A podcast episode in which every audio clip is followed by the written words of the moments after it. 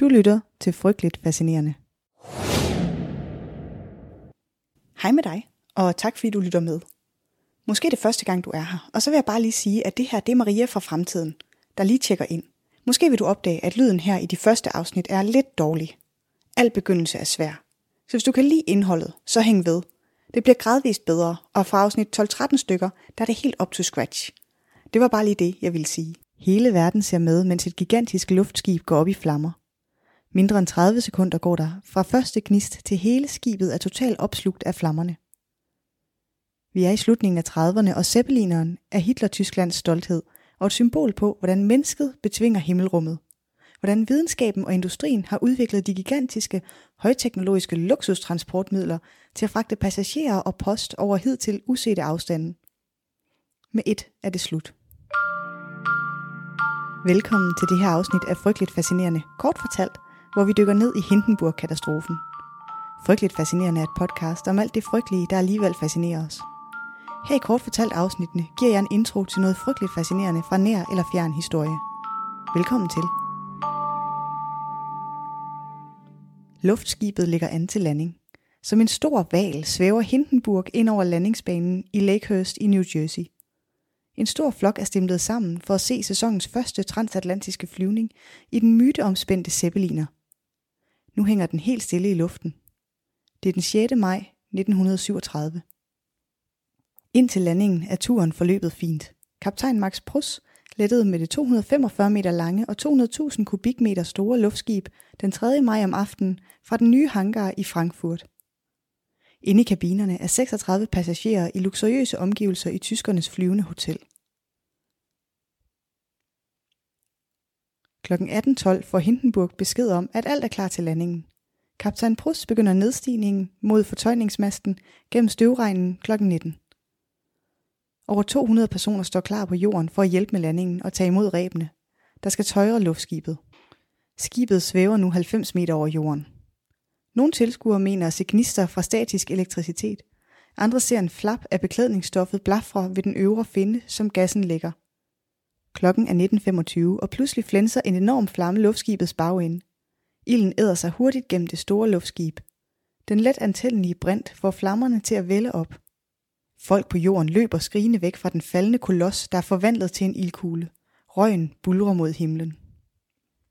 Normalt fløj luftskibe på helium. Det var smart, fordi det ikke er brandbart. Men efter et amerikansk eksportforbud var Hindenburg i stedet fyldt med brint. Resultatet blev katastrofalt. Fra 1910 til 1. verdenskrigs start i 1914 er over 1500 flyvninger gennemført uden alvorlige ulykker.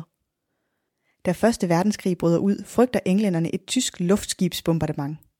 Og befolkningen rapporterer om observerede luftskibe fra alle steder i landet. De fleste viser sig at være indbildning.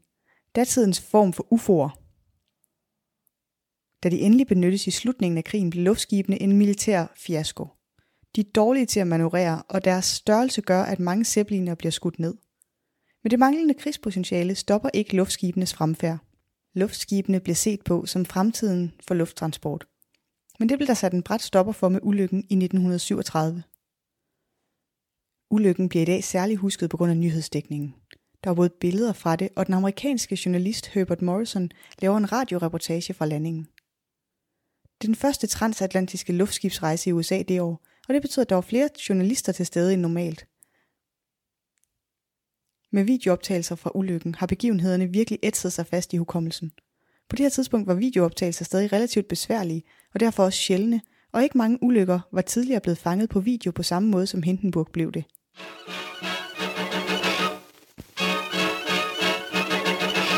Again she dumps ballast, and a nervous tension grips those who are watching, for this is something unusual.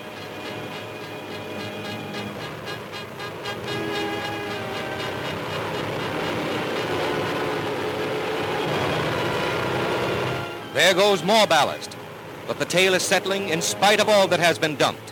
A grim note of impending tragedy.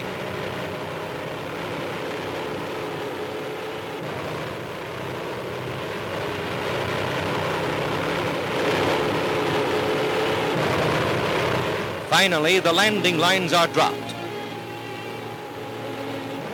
These scenes were filmed by Pathé News cameraman William Deek, and you're about to see the pictures he got when the ship exploded. Those aboard leaping for life from a flaming inferno, the actual crash of the Hindenburg, an airship destroyed in less than half a minute.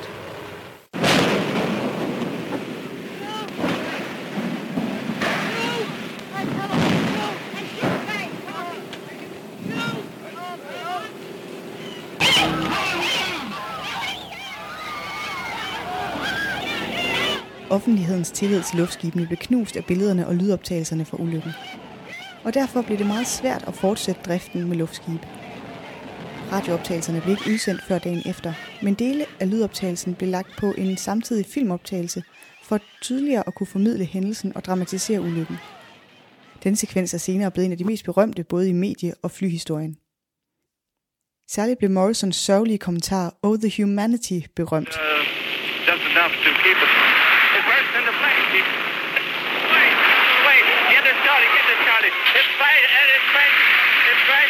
Oh my, get out of the way, please.